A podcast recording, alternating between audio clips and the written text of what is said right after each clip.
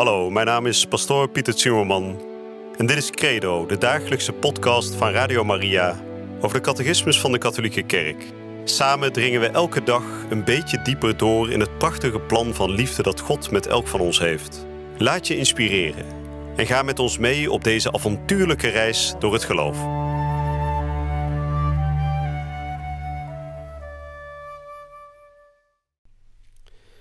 Vrienden, we zijn weer bij u terug met de dagelijkse podcast Credo, waarin we deze dagen spreken over de verschillende geheime mysteries in het leven van Jezus. We hebben in de vorige uitzending gehoord dat het niet alleen maar mysteries zijn waar we naar kijken, waar we verder niks mee doen. Nee, het zijn mysteries waar we ons hart aan kunnen hechten. Christus is mens geworden voor ons, hebben we in de vorige uitzending gehoord. En zijn hele leven is gericht op onze verlossing. Dus de enige reden dat Jezus mens was of werd, is voor ons. En we hebben in de vorige uitzending gesproken over de voorloper van Jezus Christus, zijn neef Johannes de Doper, die in zijn hele leven getuigt van zijn neef die Messias is, die verlosser is. En hij doet die veelzeggende uitspraak: Hij moet groter worden en ik kleiner. We hebben erover gesproken dat dat eigenlijk een samenvatting is ook van ons hele geloofsleven. Dat we steeds meer moeten versterven aan de oude ik, aan de oude persoon in onszelf. En dat we steeds meer Christus moeten laten leven in ons wezen, in, ons, in, in onze ziel, in ons leven. we gaan daar vandaag over door. We gaan vandaag spreken over het mysterie van kerstmis. Jaarlijks vieren we dan natuurlijk dat prachtige feest van Jezus' menswording op aarde. De arme kleine Jezus die in de kribbe wordt gelegd. En voor veel mensen een beetje een romantisch feest ook wel. Hè? Het is met, met romantiek omgeven, om het zo te noemen. Prachtige wonderverhalen die er aan, aan worden toegeschreven in de loop van de mensengeschiedenis.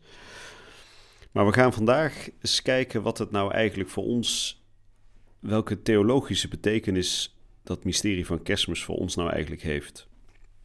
En zoals gebruikelijk zal ik weer openen met een kort gebed. En ik heb vandaag gekozen voor het gebed dat altijd in de kerstnacht wordt gebeden in de Heilige Mis. En een kort gebedje dat op kerstochtend wordt gebeden. Want die twee korte gebeden die laten ons eigenlijk heel mooi zien welk mysterie we nou precies vieren op het moment dat we kerstmis vieren. In de naam van de Vader en de Zoon en de Heilige Geest. Amen. God, gij hebt de heilige kerstnacht doen stralen door de luister van het ware licht. Wij bidden u, laat ons die op aarde het mysterie hebben leren kennen van dit licht, ook de vreugde ervan genieten in de hemel. Almachtige God, in uw mens geworden woord worden wij door een nieuw licht overstraald. Wij bidden u, laat alles wat wij doen getuigen van het licht, dat door het geloof in ons brandt door Christus onze Heer.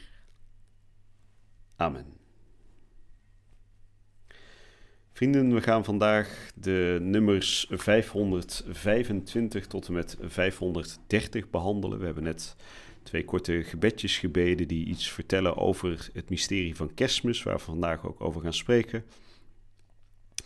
En die twee gebeden die spraken heel duidelijk over het licht dat zichtbaar wordt op aarde. We weten, Jezus Christus is het licht van de wereld.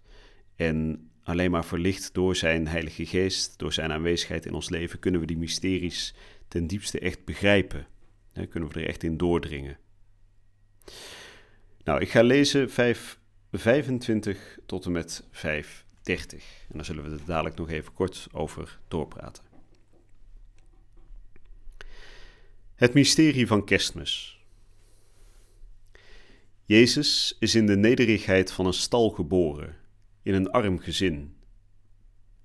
Eenvoudige herders zijn de eerste getuigen van het gebeuren. In deze armoede manifesteert zich de heerlijkheid van de hemel. De kerk wordt niet moe de luister van deze nacht te bezingen. De maagd brengt heden de eeuwige ter wereld. En de aarde biedt de ontoegankelijke een grot Engelen en herders prijzen hem. En de wijzen met de ster naderen, want gij zijt voor ons geboren, klein kind, eeuwige God. kind worden in relatie tot God is een voorwaarde om het rijk binnen te gaan. Daarom moet men zich vernederen, klein worden. Of wat meer is, men moet opnieuw geboren worden, uit God geboren worden, om kinderen van God te worden.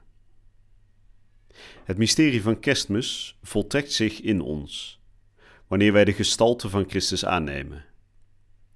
Kerstmis is het mysterie van deze wonderlijke ruil. Hoe wonderlijk is deze ruil? Van een maagd die geen man bekent, neemt de Schepper een menselijk lichaam aan, om ons te maken tot kinderen van God. De mysteries van de kinderjaren van Jezus.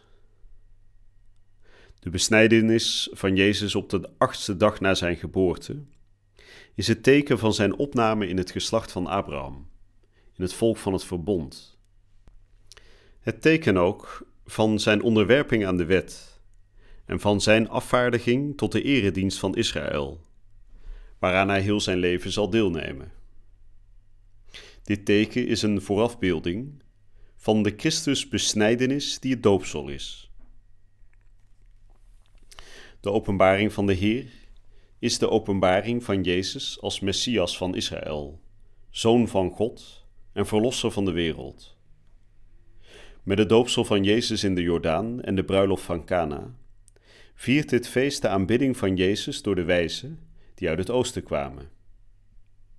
In deze wijze, vertegenwoordigers van de omringende heidense godsdiensten, ziet het evangelie de eerstelingen van de volken die de blijde boodschap van het hel door de menswording aannemen.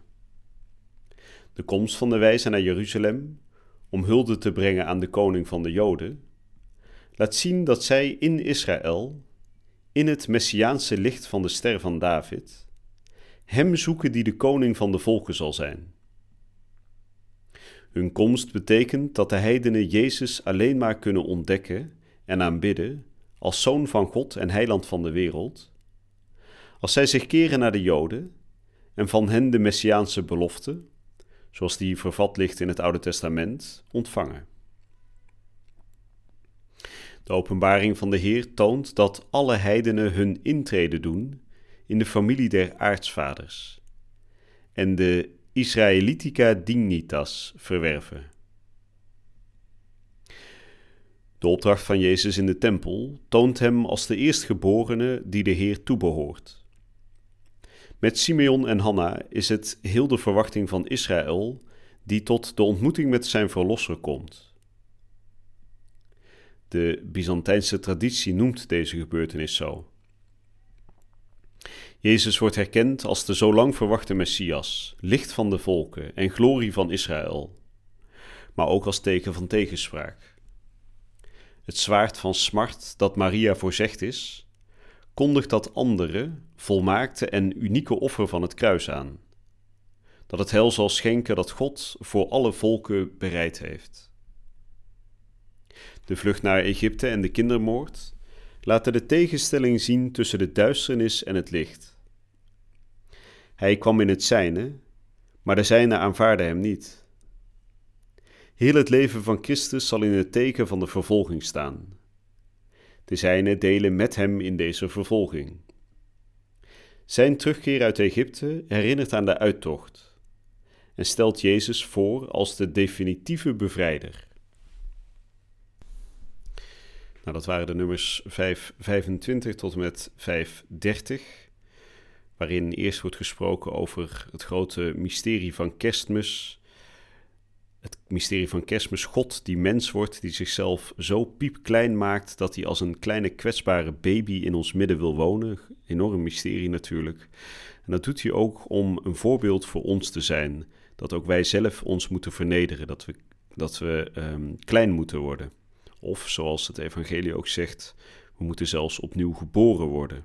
We moeten kinderen van God worden. Nou, vervolgens wordt er gesproken over de besnijdenis van Jezus op de achtste dag. Daarmee geeft het evangelie aan dat Jezus natuurlijk zelf een Jood was. En een Jood die eh, werd op de achtste dag na de geboorte besneden. En daarmee trad een Jood binnen in die rijke traditie van het Jodendom en werd hij ook onder de wet gesteld. En de catechismus heeft net gezegd dat uiteindelijk ook wij zelf in diezelfde traditie binnentreden. Dus op het moment dat wij christen worden, dan treden we binnen in die Joodse traditie van de aartsvaders. Die traditie die ook Christus heeft aangekondigd. Dus in zekere zin worden wij voor een, deel Jood, zou je kunnen zeggen. maar niet een Jood die uiteindelijk de Messias zal afwijzen of zal ontkennen. Nee, een Jood die de Messias zal aanvaarden. En een Jood wil dus in deze zin zeggen een uitverkorene van God. Iemand die staat geschreven in de palm van Gods hand. Nou, vervolgens zien we dat kort na de geboorte van Jezus natuurlijk de drie wijzen uit het oosten komen. En de catechismus zegt daar heel mooi over. Zij vertegenwoordigen de omringende heidenvolken, de heidense godsdiensten. En wij zelf, of we nou hier uit Nederland komen of uit een ander land, zijn ook van heidense oorsprong. En uiteindelijk moeten we binnentreden in dat mysterie van Israël. En dan ontvangen wij wat uh, de catechismus noemt de Israelitica dignitas, dus de, de, de Israëlitische waardigheid.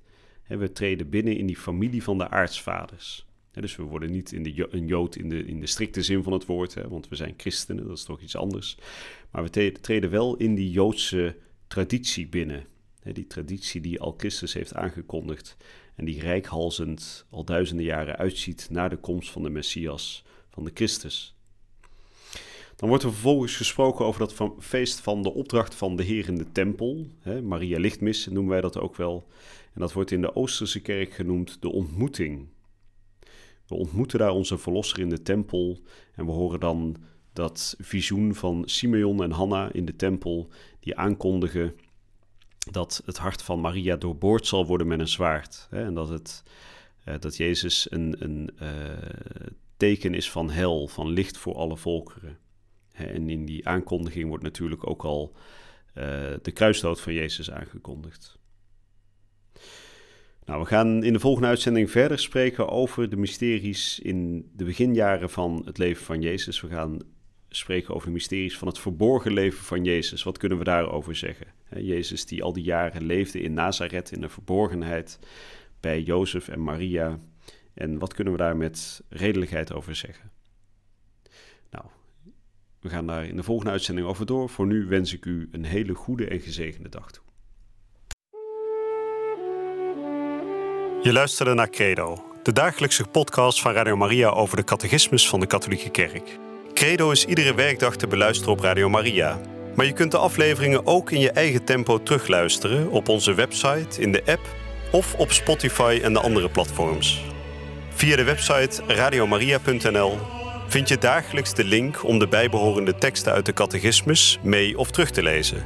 We zijn erg dankbaar voor alle giften die wij mogen ontvangen. Daardoor kunnen we ons goede werk blijven doen. Draag je ook bij aan deze missie?